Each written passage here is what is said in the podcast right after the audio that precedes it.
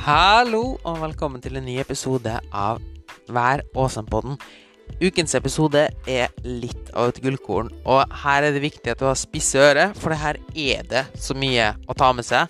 Så frem med penn og papir og noter underveis, og for her er det mye gull å ta med seg.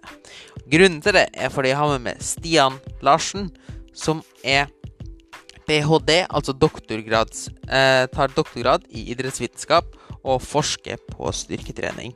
Han er også online-coach for maksprestasjon og foreleser for AFPT. Og han driver også en egen treningskjede i i Trøndelag som heter Care.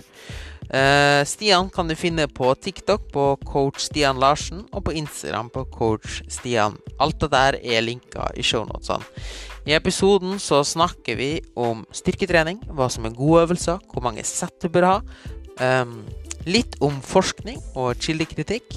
Og generelt så tror jeg at du har masse å hente ut fra den her.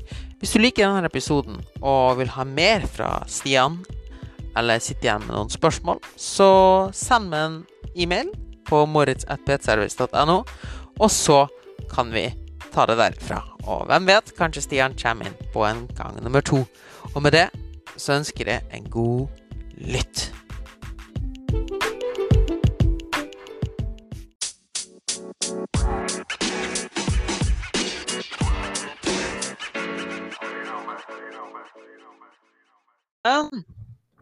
God dagen.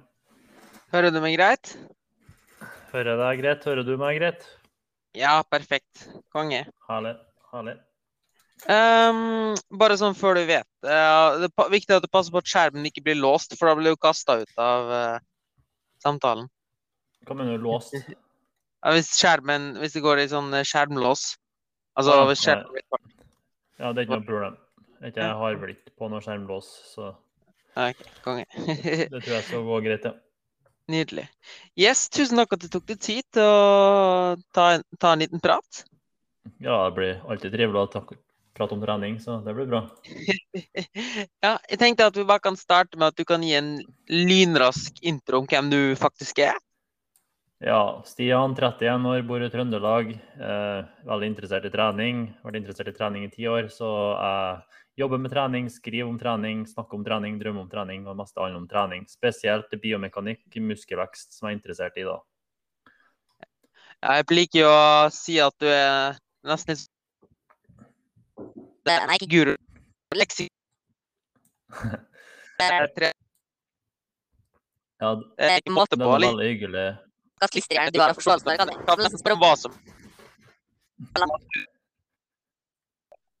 Ja, nei, det, det skal være ærlig, så sitter jeg egentlig bare og føler Hører du meg? Ja, ja. Hallo? Ja, jeg skal være jeg ærlig, så jeg egentlig bare føler meg dum jeg, ja, hei, ja. Jeg sitter bare og føler meg dum om dagene, for jeg leser og skjønner ingenting. Så, så det var noe hyggelig, da. Ja, men er det ikke sånn uh, hele veien, da? Egentlig. Man bare leser og leser, og så bare plutselig så Å ja. Ja, det er jo Um, den Kruger-effekten, som man kaller det. Så Mm. det er ofte sånn. Absolutt. Um, det jeg egentlig tenkte å snakke mest om i dag, er litt sånn generelt om styrketrening. Og um, egentlig litt hva man bør se etter i et effektivt styrketreningsprogram. Um, og litt inn på dette her med hva som er gode og dårlige øvelser, og, eller om det i det hele tatt finnes, da. Og egentlig litt mer rundt det, da. Så jeg tenkte, egentlig at, jeg tenkte egentlig at vi kunne starte med at du kunne sagt litt om hva man egentlig bør se etter i hvor, Eller vi kan starte med det. Hvor ofte bør man trene hvis man er ja, nybegynner til medium nivå? Ja, eh, det er jo veldig dypt eh, og godt spørsmål. Eh, Først og fremst så tror jeg man er nødt til å se på hvem individet er. For det er jo én ting litteraturen har kommet frem til nå, siste metaanalysene, så er det jo at det å trene muskelgruppe to dager i uka er mer effektivt enn å trene muskelgruppa én gang i uka. Og så er det noen tendenser til at det kan være mer effektivt for noen muskler, spesifikt overkroppen, kanskje å trene opptil tre dager i uka. Men ikke sant, Dette her er jo standardiserte studier med standardisert treningsvolum, hvor man har prøvd å gjort en generalisering. Mm. Men når du har et individ foran deg, så er jo studiene er jo egentlig bare en startplan. Eh, hvis du følger forskninga, så sier sånn så kommer du til rett land. ikke sant? Eh, men hvis du ikke Ja. følger forskninga, så kan du komme til feil land, men så skal du komme deg til rett by. Og da må du jo kunne tilpasse ut ifra individet. Men jeg, egentlig uansett hvem det er, så prøver jeg å, ofte å kjøre muskelgrupper to ganger i uka. Men hvis jeg har en person som virkelig ikke liker å trene, så kan jeg kjøre én gang i uka. ikke sant? Så det er jo veldig, veldig individuelt. Og da kommer det spørsmålet ditt om hva er en god plan. Jo, en god plan er den som er etterlevbar. Eh, jeg har, innehar planen eh, de tre tingene som fører til etterlevelse, altså at planen er gøy. Er planen realistisk og er planen fleksibel? Ja, da mener jeg at planen er i hvert fall eh, har et godt utgangspunkt for å være god. Eh, For uansett hvor optimal en treningsplan er, så hjelper det ikke hvis ikke personen klarer å føle den. Og eh, det er jo som dr. Eric Helms i boka si snakker om, som jeg synes er veldig veldig bra, som vi veldig mange feiler på, da, og det er jo det å faktisk sette opp trening som fører til etterlevelse for individet. Eh, Og som jeg nevnte, så burde treningsplanen være gøy. Eh, Er det artig å komme på trening? ikke sant? Hvis man syns det er gøy å komme på trening, så gleder man seg til å komme på trening. Syns man ikke er gøy å komme på trening, så gruer man seg til å komme på trening. Og det er ganske viktig, da. Andre er jo at treningsplanen er fleksibel. Når Olga på 40 eller eh, Trygve på 20 eh, skader seg og brekker foten, ikke sant? så må det kunne justeres. og må kunne være fleksibelt. Og så er det at det er realistisk. da. Er du kroppsbygger du mest, og du har mye fritid, så kan du mest sannsynligvis trene opptil kanskje tolv ganger i uka. ikke sant? Og alt handler om trening, men så må du kunne da tilpasse ut ifra eh, når livet skjer. da. F.eks. For, for min del, så i sommer så hadde jeg mye fri. Trent tolv ganger i uka, hadde et kort økte. Nå trener jeg bare fire dager i uka. ikke sant? Det handler om fleksibiliteten, men også at jeg har en realistisk plan. Så for å svare kort eh, jeg setter som regel opp to dager i uka, eh, men f.eks. For, for noen andre så kan det være nok å trene muskelgrupper én gang i uka. Og så kommer det også an på hvilken muskelgruppe det er snakk om, for eksempel, og hvor hardt du trener. ikke sant? Treningsfrekvens, altså hvor ofte du trener en muskel, omhandler jo i veldig stor grad av treningsvolumet og hvor hardt du trener. da. Så har du f.eks. Eh, eh, Kjører du steinhardt på bein, og du kjører, liker å kjøre steinhardt på bein, så trenger det lengre restitusjonstid enn om du kjører seks sett på midtre del av skuldra. ikke sant? De kan jo ofte kjøre ganske ofte, kanskje fire-fem ganger i uka. ikke sant? Så det er mange, mange ting det er avhengig på. da. Jeg syns det var et helt fantastisk svar, egentlig. Ehm, for, eh, fordi det er jo som du sier, at man, det, det vi har utgangspunktet, er jo det ene, altså hva faglitteraturen sier. og Det er jo en fin retningslinje, men det hjelper ikke en drit når um, man ikke liker treninga det ikke blir gjennomført. Um, og det er vel egentlig gjerne det samme med øvelser generelt òg. Altså, jeg har så mange, jeg har opplevd så mange da, som f.eks. kommer til meg og sier at de hater knebøy, eller at det gjør vondt i knebøy, eller noe sånt. da. Er sånn, ja, men hvorfor kjører du knebøy da? Skal du konkurrere i styrkeløft? Nei. Ja, hvorfor trener du knebøy da? Eh, så det var jo litt eh, jeg ville komme inn på med dette her med mm, om det finnes noen øvelser man må gjøre, eller gode eller dårlige øvelser. Eh, og hva man kanskje bør se etter. da, ja. Fordi det er, jo, det er jo helt klart at noen øvelser er bedre enn andre. Det er jo helt klart. Um, men hva bør man da se i i en god øvelse? Uh, hva er liksom Hvordan skal man rette Hvordan skal man stille det spørsmålet på en god måte? Men ja, det er jo en forskjell på å ta glute bridge med miniband versus det å ta en ordentlig hip thrust, f.eks. Hvis du skjønner Mm. hva jeg mener. Så hva er liksom sånn, litt sånn som en trening litt sånn som er, hva som er en god treningsplan, hva bør man liksom Hva sånn ut ifra studier eller forskninga, hva er liksom hva er sjekklista for hva som er en effektiv og god øvelse, da? Som er lurt å bruke tiden på? Mm, mm. Absolutt. Eh, Jeg pleier ofte å si at det er fire punkter for meg som må hukes av for at det skal være en god øvelse. Én, det må være en øvelse Nå snakker jeg på individnivå, men også i forhold til kundene mine da, når jeg følger opp folk. Første er at eh, det må være en øvelse man liker å gjøre. Det er det absolutt desidert viktigste. Det kan være så sinnssykt bra å ha et ekstremt godt mekanisk drag, men hvis man ikke liker å gjøre øvelsen, så ja, da kan man like godt finne en annen. Med mindre det selvfølgelig er noen som er veldig dedikert. Og det må man tilpasse. Så det ene er rett og slett om man liker øvelsen. Det andre handler om eh, evnen til å, generere mekanisk drag i øvelsen. Når, nå snakker vi selvfølgelig om muskelvekst. Og det er veldig mange øvelser som er dårlige på. Eh, og med mekanisk drag så mener jeg rett og slett eh, hvilken belastning er det muskelceller opplever. Mekanisk drag, definisjonen på det er Pascal, eller spenning, eh, rett og slett. da. Og du kan skille det, eh, kan definere det veldig enkelt som at det er det draget eller den krafta muskelceller arbeider mot når du har en eh, kontraksjon ved en eller annen form. Og det her skyldes ofte i et passivt og et aktivt drag, eller tensjon, som ofte kalles da. Og et passivt drag er veldig enkelt når du strekker muskelceller eh, med mot en belastning, og du kontraherer der, mens et aktivt drag er når du skaper aktiv muskelkraft. Og Det ser jeg også etter en, en øvelse, altså evnen til Eh, at øvelsen skaper et mekanisk drag. Så Det første er rett og slett eh, er øvelsen gøy, og andre er, er, har øvelsen eh, et godt potensial for mekanisk drag, for det viktigste som kommer til muskelvekst. Det tredje er, går litt under det andre, og det omhandler da eh, motstandskurva, eller motstandsprofil, som det heter. Det omhandler er øvelsen tilpassa styrken på en muskel. For en muskel går ofte fra å være eh, svak i seg sjøl til å bli sterkere til å bli svakere. Nå har du en passiv komponent nedi der som gjør at muskelen rett og slett uh, får mye gratis kraft i bunnposisjon. Men muskel kan jo tenke da den går fra å være sterk til å bli svakere. Og Da ønsker du ofte å matche motstandsprofilen på den. Et eksempel på dette her er f.eks. sidehev med manualer. Jeg er kjempefan av øvelsen, men den har ikke en veldig god motstandsprofil. For når du eh, fører armene oppover eh, og du, du, løfter opp, så vil eh, øvelsen bli tyngre og tyngre. Men du blir svakere og svakere når du kontraherer eller sammentrekker muskelen. Så Det er jo én ting jeg ser på. Så Det første er gøy. Det andre er da eh, me mekanisk drag. Eh, har øvelsen en godt uh, mulighet til å, å skape et mekanisk drag. Og tredje motstandsprofil har den en gunstig motstandsprofil. Og det fjerde er og siste er da er øvelsen enkel å gjennomføre på gymmen. ikke sant? Må du koble opp masse forskjellige ting. ikke sant? Når du har en kunde, så vil kunden mest sannsynligvis ikke gjøre det. Så det er de fire mm. tingene jeg ser på. Ja, det var veldig fint. Uh, kunne du gått litt mer inn på dette her med mekanisk drag, hva det egentlig er?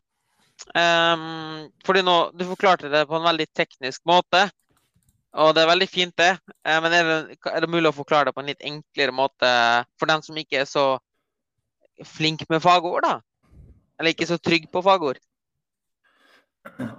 OK, så um, nå er jeg en fagnerd, da, så jeg snakker som eget faglig. Men jeg kan eh, prøve å forklare mekanisk drag på en enkel måte.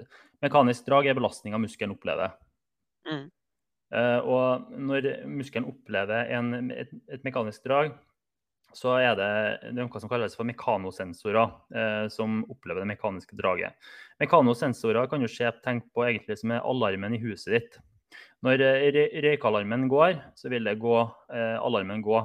Og Du kan egentlig tenke på mekanosensorene som den røykalarmen. Når du da får et mekanisk drag, så oppdager mekanosensorene og det fører til en rekke signaler, akkurat som den. Og de signalene fører til eh, det, har ulike signalveier som fører til rett og slett eh, at eh, det, det, fører til at uh, du får en rekke signaler som fremmer muskelproteinsyntese, eller at du da kommer i en positiv uh, tilstand som gjør at du kan bygge muskler. Ja. Så egentlig rett og slett at desto hardere du drar i muskelen, desto mer signal sender vi. Hei, folkens! Den holder på å rive, vi må bygge den sterkere. Sånn, ja, veldig teit forklart. Ja, det er veldig godt forklart, egentlig. Eh, men eh, det som er at muskelprotein, eller mekanisk drag kunne jeg sittet og prata om i tre timer med, eh, pga. at det er ekstremt, ekstremt komplekst. og Der er jeg litt sånn, der tror jeg egentlig influensere jeg, jeg, er jo mye på sosiale medier sjøl, ikke snakket noe stygt om noen. Men her tror jeg influenserne har misforstått veldig. da, For man tenker at når du belaster en muskel i strukket posisjon, så det er automatisk bedre. Men eh, det her er ekstremt komplekst for å si det rett og slett. da. Eh, av at For det første så eh, vet man ikke helt hvilken mekan altså hvilken type brannalarmer er det, eller mekanosensorer. da. Hvilken type mekanosensorer er det som reagerer på det mekaniske draget? Eh, hva fører nøyaktig det her til? Så man, så Man tror ofte at mer er bedre, men sånn er det ikke mer strekk på muskelen er ikke nødvendigvis bedre. og for Har du en person som har en tendinopati, eller da, det som kalles senebetennelse på gammelt, og du bare anbefaler nei, kjør på, du får et godt mekanisk drag på muskelen, så har du feila ganske hardt, tenker jeg som trener. da. Mm. Ja, godt poeng. Så, men eh, da har jeg i hvert fall forklart enkelt hva mekanisk drag er, men det er mye mer komplekst enn som så. da. Og skal jeg være ja. ærlig, så har ikke jeg peiling sjøl. Jeg sitter og leser og leser og leser, jeg blir bare mer og mer forvirra. OK, det er godt å høre. um, men ja, du var jo litt inne på dette, her, og det er egentlig et ganske spennende tema. dette her med um, For det her er, har jeg ferska med England, eller tar jeg meg ofte sjøl. Jeg tenker alltid at uh, for folk flest, Ola og Kari Nordmann, som ikke Nå tenker jeg verken noen som er skada, eller noen som er uh, som da f.eks. er idrettsutøver, da, så mm. anbefaler jeg alltid at man har størst mulig range of motion. da. Altså mest mulig bevegelsesutslag. Både for å få mer strekk på muskulaturen, som du var inne på, men også for å, det funksjonelle delen, altså bevegeligheten i det. da. Mm. Eh, altså at f.eks. Ola eller Kari Nordmann tar eh, knebøy så dypt som den klarer. da. Mm. Eller at man tar en hip trust, der man står altså helst i butebildemaskinen, ref det du sa med med enkelt mulig, for de får vondt i hjertet når folk lasser opp 200 kg på en stang for å jukke opp, for å opp stanga 20 cm, og så klage på å få ha vondt i hoftebeinet. Mm. Uh, så, så for meg bevegelsesutslag der, da, f.eks. Um, ehm, men er det kanskje Eller hva er dine tanker rundt det? Ja, men der er, der er, jeg helt enig eh, i forhold til at man anbefaler å utføre den eh, bevegelsen kunden har mulighet til, rett og slett. Da. Jeg anbefaler alltid full range of motion hvis det ikke er idrettsspesifikt eller det er noe skade, jeg òg. Grunnen til at jeg gjør det, eh, det er pga. at man får et totalt eh, høyere arbeid, altså et mekanisk arbeid som vi kaller det. Og det vil være veldig gunstig for Kari og Ola Nordmann å gjøre mer arbeid. Eh, og, det, og det mekaniske draget vil også bli større hvis du gjør en lengre bevegelse enn en mindre eh, bevegelse pga. at muskelen opplever da større belastning. Men eh, poenget mitt var rett og slett at det er den forklaringsmekanismen som er feil, at man får mer passivt drag i muskelen ved å strekke den nødvendigvis mer. For det passive draget kan maksimeres ganske tidlig, ellers så kan det nesten være umulig å oppnå.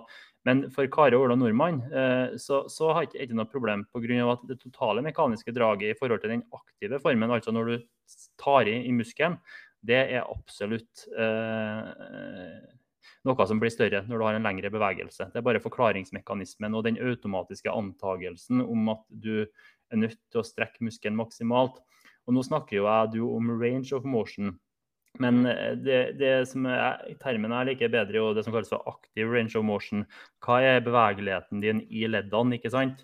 Har du ja. Eh, en kunde på 60 år ikke sant, som har eh, fryktelig dårlig bevegelighet i skuldra, og, så, så, tar ikke jeg å pushe kunden nødvendigvis noe hardere enn den bevegelsen kunden har som er naturlig.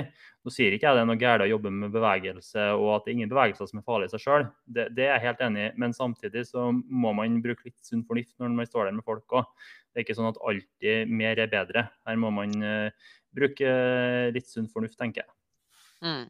Og det er jo gjerne mye av dette her som gjør at uh, yrket vårt, altså personlig trener, er like mye Jeg liker å si at det er like mye en kunst som det er Altså det er en kunst like mye som det er et fagyrke, da. Det er liksom den balansen mellom hva som er litteraturriktig, og hva som funker på individer, da. Absolutt. Som sagt, eh, som jeg sa tidligere, litteraturen får deg bare til landet. Men du som person du er nødt til å komme deg til rett by. rett Og slett med, og det, der handler det om erfaring, egentlig. Erfaring er erfaring. For Vi kan alltid sitte og sitere studier på navn og forfatter, men uh, når det kommer til syvende og sist, så tenker jeg at uh, det er fint for å, å, ha en grunnramme. Men så må du også skjønne studiene, hva egentlig studiene betyr. For ikke sant, La oss si at uh, en studie har funnet at to dager, eller to dager trening er mer effektivt enn én dag. ikke sant? Så, så, så, kan jo det være, men det kan gjelde for 20 år gamle fotballspillere. ikke sant? En helt annen Eh, type deltakere enn f.eks. en 60-åring eh, eller en kroppsbygger. Og, og, det å lære seg å bare se hvilke grupper er studiene gjort på. ikke sant? Det er kjempeviktig. Eh, og hvilke statistiske metoder er brukt. og Spesielt når studiene ikke avdekker en forskjell. Hvis studien har vært i seks uker, eksempel, så er det ikke nok tid til å få en god treningsstimulus. nesten ikke engang. Og hvis det i tillegg er for lite folk i studien, så er det jo umulig å si at det er noen forskjeller når det egentlig er det. Så man skal være ekstremt forsiktig med å sitte i studier hvis man ikke kan og lese forskningsmetodikk.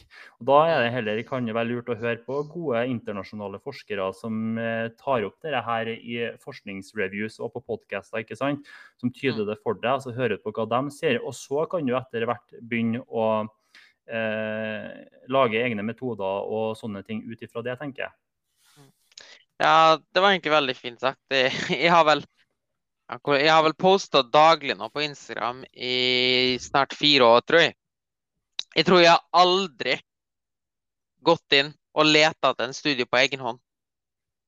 Jeg har alltid bare liksom Jeg har alltid bare hørt liksom Jeff Nippert, Lane Norton, Eric Helms, uh, Mike Israel som liksom forklarer et tema og viser til hvor man kan finne det i litteraturen.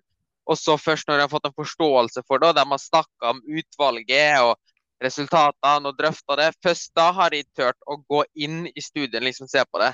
Fordi det var som du sa i starten, at hvis de bare skal lese en studie, så sånn, hva faen var de las nå, egentlig? Mm. Hva er det du skal se etter? Dette her krever trening, og anbefaler alle fagfolk til å lære seg å lese studier. Men det er ikke sånn at hvis man ikke kan det, så så må man ikke late som man kan det og komme med klare generaliseringer. For jeg hører ekstremt mye, eller veldig ofte, at folk leser studier, og så bruker de studiene til å fremme sitt argument, men så har de egentlig ikke skjønt helt hva studien sier, og gjør helt klar hele generaliseringer på det. Og det er ikke noe galt, det har jeg gjort mange ganger sjøl. Jeg har vært ny. men jeg tror det er veldig viktig å lære seg det å lese forskning før man skal anvende det i praksis. da. Eh, og da kan det være veldig smart å bruke eh, sekundærkilder som f.eks. Mass, Strong by Science, eh, podcaster og lignende. Og så kan man eventuelt lære seg eh, ta metodikkurs, f.eks. som Markus Haugen holder på å lage nå, eh, for å, kunne, for, å kunne, lære seg mer. For jeg tror det er kjempe, kjempelurt å lære seg å lese forskning. Eh, misforstå meg rett, ikke sant? men samtidig så er det viktig å anerkjenne hva man kan og man ikke, hva man ikke kan. Ja, absolutt. Det hadde nok eh, spart oss for mye tull hvis det ikke hadde vært for det. Det var jo senest nå Jeg vet ikke om du har fått det med deg, men du er jo mer inn du er jo mer inn styrketrening, men du har jo sikkert også litt i Og du har den nye tingen også, liksom. Og du tar jeg den nye studien som er gjort på kunstig søtning, der de så endring i tarmfloraen. Mm. Og så har du en haug med sånne helseguruer nå da, som bare Å, se den! Uh, det er spiker i kista, kunstig søtning dreper det, og bla, bla, bla. bla. Og så er det sånn Når man da går i materien, så var det ja, OK, det var 200 stykker som var ekstremt biased mot kunstig søtning. Uh, og det eneste man så, var endring i tarmfloraen. Ikke noe negativt eller noe sånt, bare endring i tarmfloraen. Mm. og det, sånn. ja, det, der er jo et veldig, veldig godt eksempel da, på at man ofte eh, bruker forskning til å gjøre mer generaliseringer ut ifra studien enn hva studien egentlig sier. Studien sier jo at det er en endring i tarmfloraen, og da er det en automatisk antakelse for veldig mange som hører det, at det er assosiert med noe negativt. Nå sier jeg ikke at det ikke er assosiert med noe negativt, for dette er ikke mitt fagfelt i hele tatt. Men det er en sånn veldig sånn typisk greie. da, og det er jo ofte det som, Jeg gjør jo veldig mye akutte studier innenfor biomekanikk, og det er ofte at eh, journalene, journalene når jeg publiserer studier, vil at jeg skal gjøre langtidsgeneraliseringer basert på mine ak akutte funn, men det har jeg ikke data til å gjøre. Hvis jeg skal kunne gjøre en eller annen klar generalisering som har med langtidseffekt å gjøre, så er jeg nødt til å måle den variabelen langtidseffekter er. Eksempel. Hvis jeg ønsker å måle muskelvekst, er jeg nødt til å måle muskelvekst. Jeg kan ikke ta en akutt studie som måler dreiemoment eller belastning på ledd og si at du får mer muskelvekst i bevegelsen her, for det går ikke. Og Det er jo akkurat det samme med eh, studien du snakker om. Nå har ikke jeg lest den, så jeg kan ikke si noe, men hvis bare man har funnet at det er en endring i tarmflora, så kan man ikke si at man får kreft av det. Du har ikke premisser for å si det. Det kan være en logisk rasjonale for å, å spekulere i det, men man kan ikke si det. Ja, uh, fint. Fint, fint oppsummert der. Um, for å snevre litt inn på treningen, da, så har vi nå tatt i litt sånn grovt hva man bør se etter hvis man ønsker å sette opp et treningsprogram sånn langtidsmessig. Altså sånn volum, da, eller hvor ofte man bør ha frekvens. Um. Og så litt om øvelser. Og så tenkte ja, jeg også at vi, Vi kan jo kanskje tenk- snakke litt om antall sett, eh, volum og intensitet. Ja. da. Ja, det var akkurat det jeg hadde tenkt. At først eh, antall sett i uken per økt. Eh, intensitet. Og kanskje hvis du rekker litt om junk volume. Absolutt. Eh, Vi kan jo starte med eh, det som jeg mener er viktigst, det er jo intensiteten. For intensiteten burde alltid bestemmes før antall harde sett, mener jeg. Eh, på grunn av at eh, intensitet det omhandler jo eh, Det er ofte eh, absolutt intensitet og relativ intensitet. Absolutt intensitet er jo da kiloene du løfter, mens relativ intensitet er da f.eks. at du har tre reps i reserve. Mm. Og Nybegynnere de kan ofte respondere veldig veldig godt på eh, å ha en lettere relativ intensitet, altså at de trener eh, med flere reps fra utmattelse. Eh, nybegynnere kan ofte få veldig god progresjon på alt fra fem til seks reps i reserve. Og da kan det ofte være greit å trene litt lett for nybegynnere i starten. Mens for eh, godt trente personer så er det ofte, snakker man om antall harde sett i uka. Da er det ofte tre, under tre reps i reserve det man anbefaler da, på settene. Eh, og da er det jo tre reps i reserve for at man ikke klarer å utføre en repetisjon til. da. Og det er her den teorien om effektive repetisjoner kommer inn. da. At eh, hvis, du har, eh, hvis du er ganske godt trent og du kjører under fem repetisjoner i reserve, eller over fem repetisjoner i reserve, så eh, vil du ikke få et eh, godt mekanisk drag på muskelen. Pga. mekanisk drag er jo den belastninga muskelen opplever, og da må du aktivere muskelen maksimalt eh, nesten for at det skal kunne få et godt mekanisk drag på muskelcellenivå. Så har du over fem reps i reserve, så sier man ofte at du har ikke effektive reps. Og det er Du har- derfor man Du har, for å ta det med brannalarm igjen, da, så har du rett og slett ikke fått nok røyk inn til at det er vits å la brannalarmen gå, hvis du ikke trener hardt nok. Jepp, riktig. Og jeg kommer til poenget nå. Derfor er på, hele poenget at du er nødt til å trene under tre reps i reserve for å kunne få en god stimuli. Og dette her er jo veldig veldig individuelt igjen nå, ikke sant. Eh, og det bestemmes i veldig hard grad av hvor mange sett, harde sett du har i uka. Eh, Jeg anbefaler ofte å kanskje starte økta med selvfølgelig litt eh, oppvarming, litt spesifikk oppvarming i økta. Og så kanskje kjøre, hvis jeg kjører f.eks. seks sett, da, så kjører jeg f.eks. første settet til at jeg har eh, tre til fire reps i reserve. Andre settet til kanskje ta to til tre reps i reserve. Og så kjører jeg kanskje siste settet til utmattelse. Eh, Og grunnen til det er på grunn av at hvis du kjører første sett til utmattelse, så vil du, kunne få inn et lavere treningsvolum. Og treningsvolum eh, defineres jo ofte, veldig, som, ofte som harde sett. Det er antall harde sett du har innad i økt, eller da inni innad i, i, i treningsuke. Og eh, det er veldig spe spennende, for her eh, er jeg faktisk litt eh, fan av James Krieger sitt forskningsreview. Det er en eh, sånn review som han har skrevet som ligger åpent på nettet og er gratis. Den er ikke fagfellevurdert, men den er kjempefin. Der ser man at gjennomsnittstallene så anbefales det ofte å komme, ha opptil seks harde sett per muskelgruppe per økt. Det er ikke noe, at, hvis, du snakker, hvis du kommer mye mer enn det, så begynner du å komme inn på eh, søppelvolum, som du spurte om. da. Og Er det så, er det så lite som jeg må bare, Er det så lite som seks jeg Jeg leste i litteraturen at han mener mer mot ti, da. Ja, eh, jeg kommer. Eh, Det er det som er gjennomsnittstallene, men her er det veldig individuell variasjon. Mm -hmm. Det som er da at man ser at første sett er jo det desidert mest effektive settet. Det er det du får mest stimuli av. Og så kjører du to sett, så får du fremdeles mye stimuli. Men det er jo ikke sånn at du får dobbelt så mye stimuli av to sett som det første settet. Men, og den, og den eh, stimulien her avtar desto flere sett du tar. Ja, så, så toppen av kurva er på seks, og så går det, Ja. har du fortsatt litt effekt til ti-ish, og så blir det bare Ja, Mindre og mindre. Men eh, det man ser er at du får most bang for a buck på rundt seks sett, ifølge de studiene som var utført på en del tre godt trente. Men dette her er jo gjennomsnittstall, eh, og det er jo ikke noe fasitsvar her. Så jeg pleier ofte å si bruk seks sett eh, per økt som, eh, som en pekepinn. Og så prøver du deg frem derifra. Jeg er, jeg er veldig veldig fan av minste motstands eh, vei. Så hvis jeg får progresjon på seks sett per økt, så hvorfor skal jeg gjøre noe mer enn det? Ikke sant? mm. Men det, men Mm. det er jo meg. Og så kommer det jo gjennom på hvilken muskelgruppe det er. Og det her har jo ikke vitenskapen klart å, klart å avdekke. Men det sier seg sjøl at eh, skuldrene f.eks. kan ha et høyere treningsvolum enn beina pga. at det er en mye mindre muskelgruppe. Andre ting som eh, virkelig spiller inn her eh, på hvor mange antall harde sett du burde ha i uka, det er jo selvfølgelig treningsstatus og kjønn. Man ser jo det at kvinner f.eks. har en tendens til å kunne utføre et større treningsvolum enn menn. Og så er det også muskelfibertype sammensetning spesifikt. da. Eh, du har jo type 1, type 2 og type 2X-fiber. da.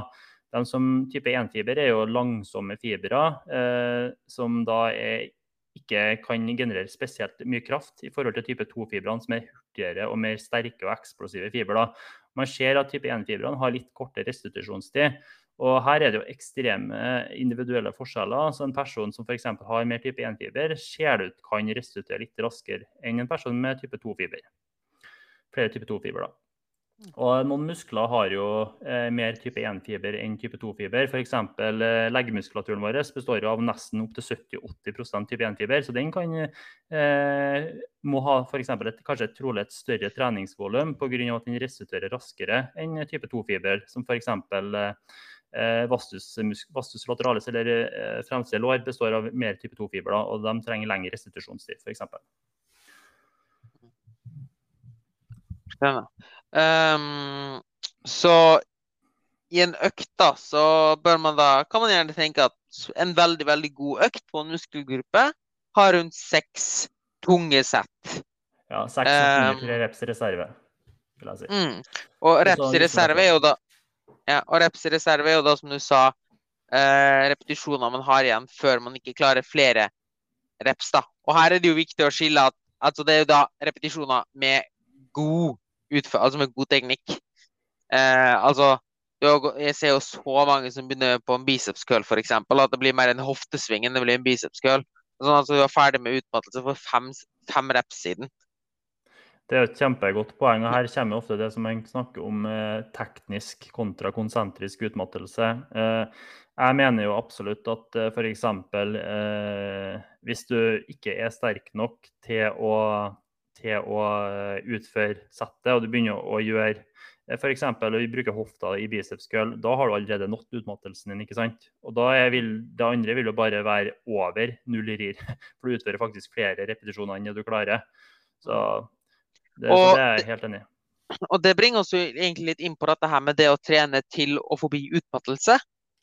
Mm. Uh, kunne du sagt litt om det? Om det er hensiktsmessig, eller om det kanskje ikke er så lurt? For det er jo veldig mange som Å, kom igjen, vi går og perser på, på benken, og så Ja.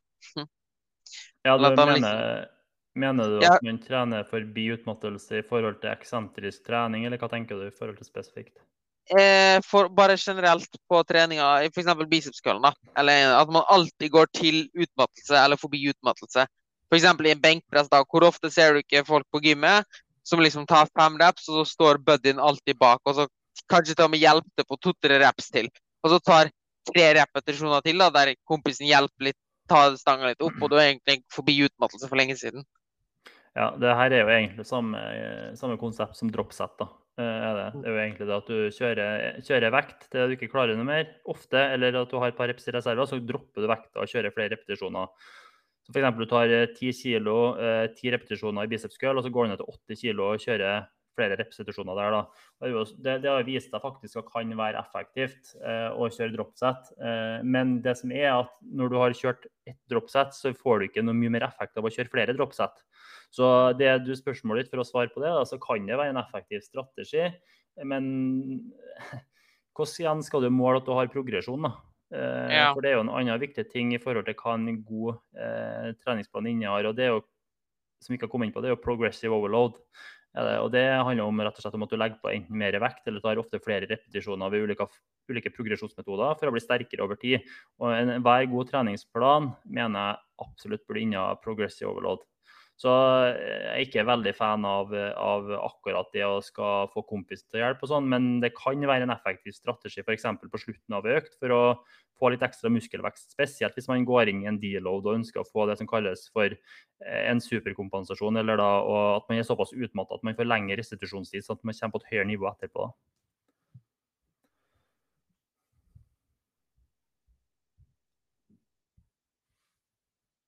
Ja, Mm. Hallo? Å, der, ja. Nå er du tilbake igjen. Ja, nå er du tilbake igjen. Kom igjen. Hei. Eh, ja, um, jeg tenkte også litt på dette her med Du har jo snakka veldig mye om dette med reps i reserve. Mm. Og det høres jo da nesten ut som man ikke bør trene, eller kanskje at det kanskje ikke er så hensiktsmessig, da, hvis man trener flere ganger i uka. Og altså, hva, hvorfor bør man ikke trene helt utmattelse, da, for å si det på den måten? I hvert sett. Eh, Jo, man kan jo absolutt eh, kjøre helt utmattelse. Eh, Det er ikke noe galt i nødvendigvis i det, men det det hvis du kjører helt utmattelse, så vil du jo generere mer utmattelse. Det er jo veldig logisk, og da vil restitusjonstida ofte bli lengre. Og Poenget er at jeg er veldig fan av å trene til utmattelse. Jeg er ekstremt fan av å trene til utmattelse for å få inn mest mulig treningsvolum. Men jeg er ikke så fan av å gjøre det på de første settene. På grunn av at hvis du kjører alle settene dine til utmattelse, så vil du trolig få inn et mindre treningsvolum eller mindre repetisjoner pga. at du blir så sliten fra de første settene. Så jeg er fan av kanskje å kjøre den siste settet eller de to siste settene i, i, i en øvelse til utmattelse. Ja, det var egentlig veldig fint. Ja, og jeg, ofte når jeg programmerer treningsplaner, så har jeg ofte to til tre øvelser per muskelgruppe. Så ofte så kjører jeg f.eks. en benk, hvis jeg skal trene bryst, ofte en benkpressvariasjon og en, for en litt mer sånn skrå flies-variasjon. Så kjører jeg tre av hver, da, så jeg har seks sett f.eks. Eller så kan jeg kjøre eksempel en benkpress, en flies og en skråbenk f.eks. Eh, for å få, og da tar, kjører jeg to sett på hver. Så jeg er litt fan av å ha litt variasjon i øvelsesutvalget òg. Men jeg kjører ofte to til tre øvelser. Når jeg snakker om, eh, snakker om variasjon, så mener jeg variasjon systematisk over tid. Jeg skifter ikke øvelse fra økt til økt, men eh, det gjør at jeg kjører f.eks. benkpress eh, og f.eks. flies i f.eks. seks uker. Og har god kontakt med dem, får god progresjon i dem. Og så skifter jeg f.eks. ene øvelsen etter seks uker til en annen øvelse for å få litt ny stimuli. Men man vet jo det at muskelvekst den er ikke den er, regional muskelvekst det, er veldig veldig sånn at uh, ulike øvelser så får du ulike typer muskelvekst. F.eks. at uh, trener du f.eks. Uh, skråbenk, så kan du få litt mer muskelvekst på øvre del av bryst. Mens hvis du trener, trener benkpress, så får du litt mer muskelvekst på midtre del av bryst. Og så trener du flies som går på nedre bryst, så får du mer muskelvekst på nedre bryst. Så jeg er fan av å periodisere øvelser over tid da, og ha variasjon i periodiseringa, hvis det gir mening.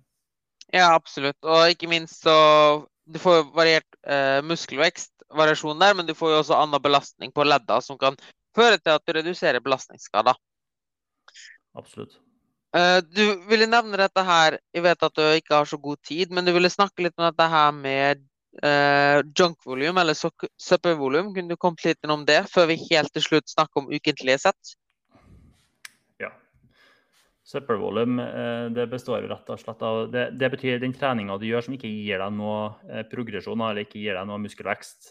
Og det er egentlig to metoder som, må- måter som man i hovedsak får eh, søppelvolum på. Og det første er at du tar flere sett enn du trenger.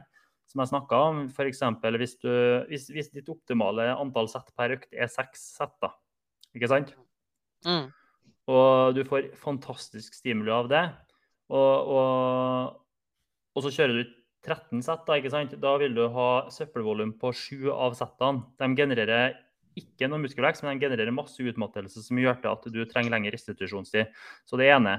Og det andre er sett, veldig lette sett. Sett som da ikke eh, er tatt, tatt nært, nært nok utmattelse pga. at du har ikke de fem effektive repsene du trenger. Da. Så har du fem reps i reserve, så har du litt, litt, litt stimuli for muskelvekst. Men kjører du hele veien til utmattelse, så har du masse stimuli for uh, muskelvekst. ikke sant? Så hvis du kjører mye lettere enn fem reps i reserve, så vil du få masse søppelvolum pga. at du får ikke mye ut av treninga. da. For, for mer viderekommende, for å si det sånn. Altså, veldig enkelt forklart så er jo i hovedsak det som er søppelvolum. Du har litt mer andre tekniske definisjoner på det, men det er ofte dem jeg pleier å si da, som er viktigst. Mm. Så egentlig bare treninger som ikke gir noe annet enn at du blir mer sliten? Ja, du kan egentlig si det. da. Og så kan vi jo si at eh, fra et etterlevelsesperspektiv så kan det jo kjøre lettest være fint, det. Men samtidig så tenker jeg vi som fagfolk vi er nødt til å eh, oppmuntre dem som ikke kan så mye til å De ønsker jo å få noe ut av treninga, dem òg, ikke sant?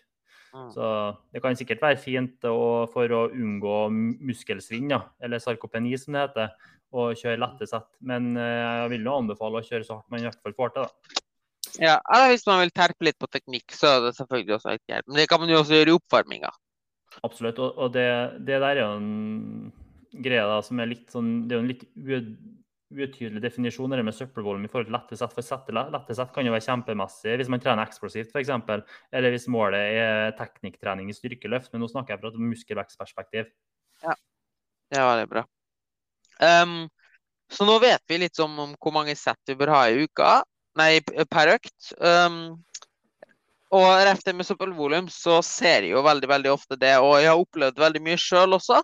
Folk som da har sånn 15 sett på en muskel i samme økta. Og da tenker jeg egentlig at det er to ting, og der kan du gjerne stoppe med å si hvis det er feil.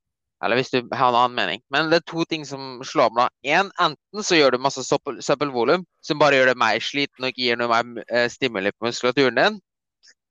Eller to, du trener ikke hardt nok uh, i det første, eller et eller annet sted der. Og det har jeg opplevd veldig ofte sjøl, hvis de har veldig veldig mange sett da, i en øvelse eller i flere øvelser, så vil jeg i underbevisstheten min holde igjen på start på det første. Har jeg f.eks. 15 mm. øvelser med bein, 15 sett på bein da, i en og samme økt. og Derfor er jeg f.eks. imot rene leg days.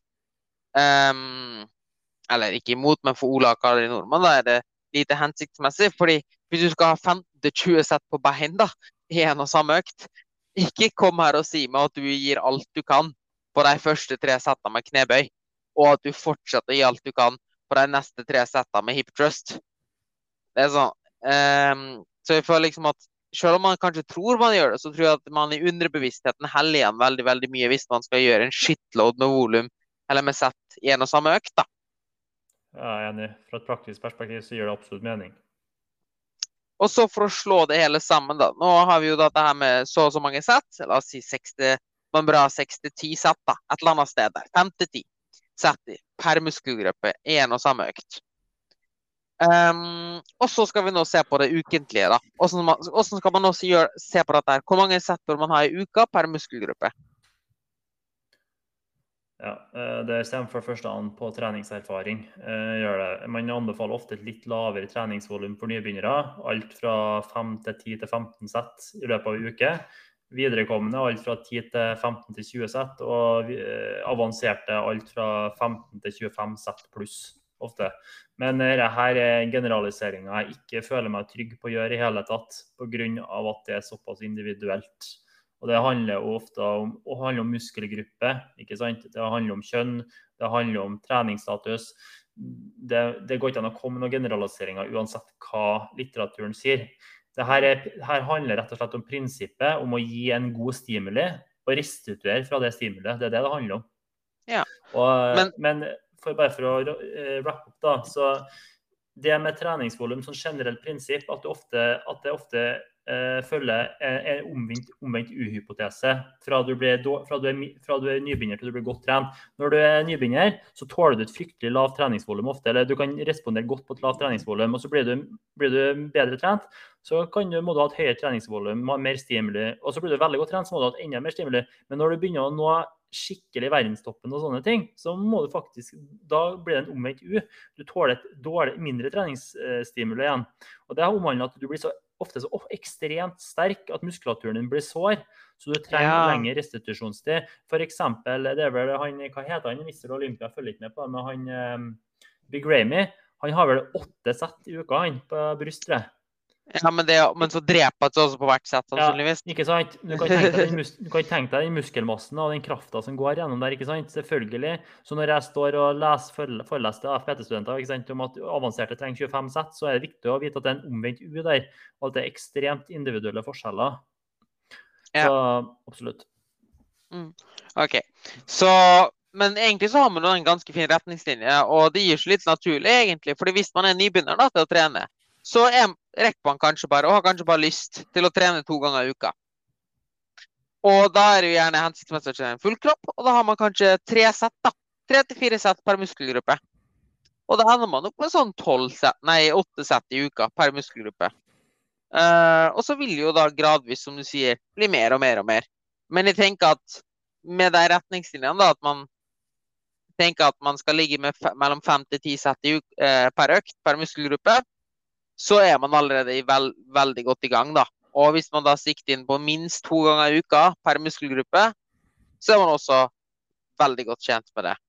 Sannsynligvis, da. Og absolutt, alt er jo bedre enn ingenting.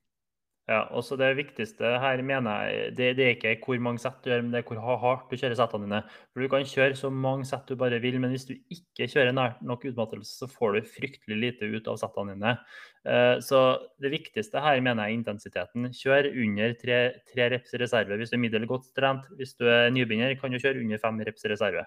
Altså opp til fem reps i reserve. Så hvor hard settene dine er nok eh, det jeg vil definere det viktigste. Men for å rappe opp, så er det som du sier, det omhandler en god treningsplan. Tren gjerne to dager per muskelgruppe i uka. Eh, Kjør gjerne under tre reps i reserve, og ha eh, en god progresjon. Ha en god progresjonsmodell i, i treningsplanen din, kjempeviktig. Og kjør rundt seks sett per muskelgruppe per økt. Prøv, eller start på det, i hvert fall. Så det kan eh, være gode retningslinjer for eh, en treningsplan. Og gjør øvelser du liker, eh, egentlig. Det er også selvfølgelig en fin ting. da. Og det viktigste av alt, av intensiteten, er kanskje det å si at folk flest trener lang, ikke, lang, ikke hardt nok og tror at de altså, kan egentlig gjøre mye, mye mer enn det de tror. Så her anbefales det virkelig å ta noen øvelser man er trygg på, og virkelig prøve å kjøre en amrap, altså as many reps as possible, for å se hvor mye man faktisk har i tanken. da. Absolutt. Og for, for å kjenne på hvordan det faktisk kjennes å trene helt utmattelse. Um, tusen takk for at du tok deg tid til å snakke med meg, Stian. Uh, hvis folk vil komme i kontakt med deg for å få litt mer gains, hvor, uh, hvor finner de det? Eh, Det er faktisk eh, på TikTok og Instagram. Jeg laga meg TikTok for et par uker siden, så jeg poster daglig der. Coach Stian Larsen heter jeg på TikTok, og så heter jeg Coach Stian på Instagram. nå. Hvis ikke så kan de også, hvis de er forskere, så kan de følge meg på ResearchGate Stian Larsen. Tusen takk. Eh, jeg skal, alt det skal selvfølgelig bli linka i shownotene. Og hvis du har muligheten, så kan du også til, eh, sende meg den linken til den her eh, det du nevnte angående de seks settene. Den her, det som skulle bli fagfellevurdert. Absolutt, jeg sender den med en gang.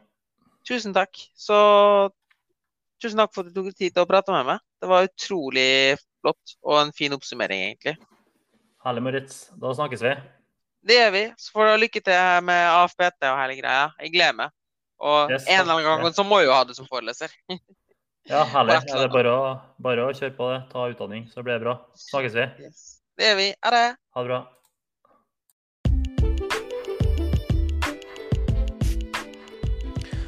Tusen, tusen takk for at du tok deg tid til å høre på denne gullepisoden med Stian Larsen. Eh, jeg skjønner at vi- hvis hodet ditt er litt kokt nå, så er det fullt forståelig. Så kanskje du må høre episoden en gang til. Hvis du sitter igjen med spørsmål angående noe av det Stian, snakket, Stian og jeg snakket om, så er det bare å sende oss en mail eller melding på Instagram eller eller ja, på mail, som vi sa, på moritz.ptservice.no, eller ta kontakt med Stian via Instagram eller TikTok. Det samme gjelder selvfølgelig hvis du vil ha oppfølging av meg så kan du også bare sende oss en melding der. Uh, videre så setter jeg veldig veldig stor pris på om du kunne gitt denne podkasten en vurdering i den podkast-appen du hører den, og gjerne subscribe også, eller abonner, så du ikke går glipp av en eneste ny episode. Og hvis du har forslag til gjester du ønsker at vi skal ha med meg, eller tema jeg skal snakke om alene eller med gjester, så er det bare å sende inn det òg. Og med det så er det kun én ting som står igjen, og det er å si gå og ha en awesome uke. Tudelu!